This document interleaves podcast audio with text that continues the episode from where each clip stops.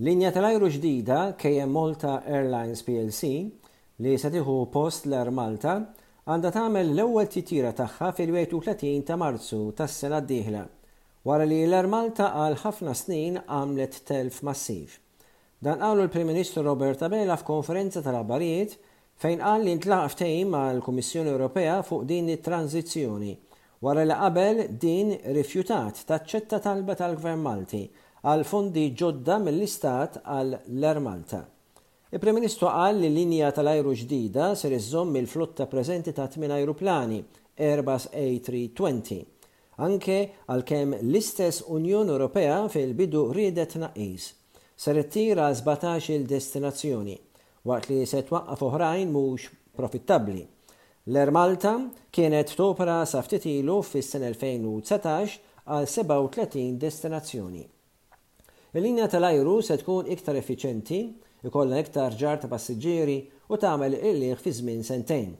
Il-pajjiż ma jistax jiddependi fuq linji tal-ajru barranin iżda rridu nżommu kontroll tal-linja nazzjonali li tilħaq il-bżonnijiet ta' Malta waqt li jagħmel sens finanzjarju, Waqt il-konferenza tal-aħbarijiet akkumpanjat mill-Ministru għall-Finanzi Clyde Caruana, intqal li l-linja tal-ajru se tħaddem ma' l-400 ħaddiem.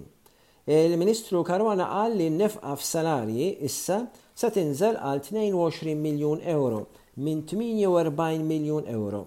Il-paga se tkun skont is-suq internazzjonali, Il-Gvern se jonfoq 90 miljun biex jixtri klawsoli ta' irtirar kmieni skont il-ftehim kollettiv kurrenti.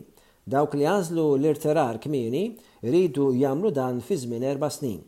Il-Gvern se jinvesti 350 miljun ewro fil-linja ta' rajlu ġdida, 300 miljun minnhom għal xiri ta' tliet ajruplani li bħalissa huma mikrija.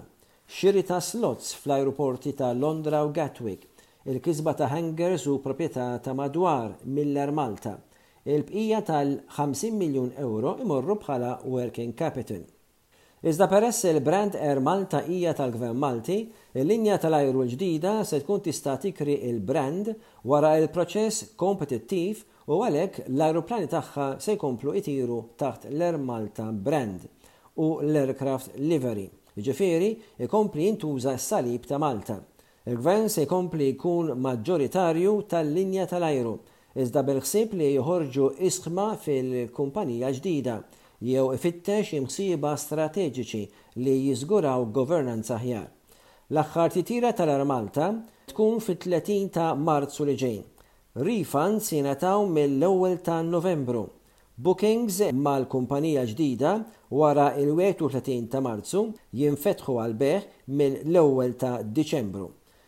Kull titjira trid tħalli profitt u trid tkun mimlija. L-Oppożizzjoni fil-Parlament talbet għal dibattitu. Dan sar it-Tnejn u mbagħad kompla l-għada t-Tlieta.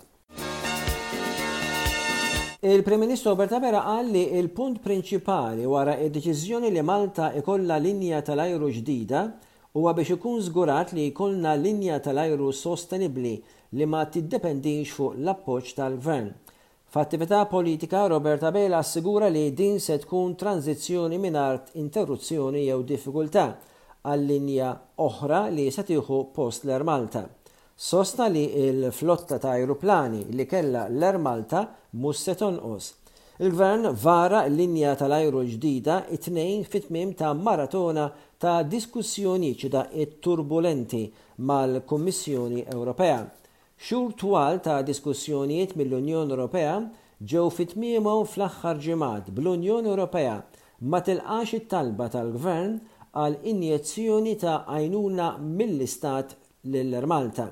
Taħt ir-regoli tal-Unjoni Ewropea, Stati Membri jridu jiksbu approvazzjoni mill-Kummissjoni Ewropea qabel tingħata għajnuna finanzjarja. Il-kumpanija l-ġdida se tkun jisimha KM Malta Airlines plc, b'tibdil ukoll mistenni fuq il-livery ta' l-ajruplan tal-kumpanija l-ġdida.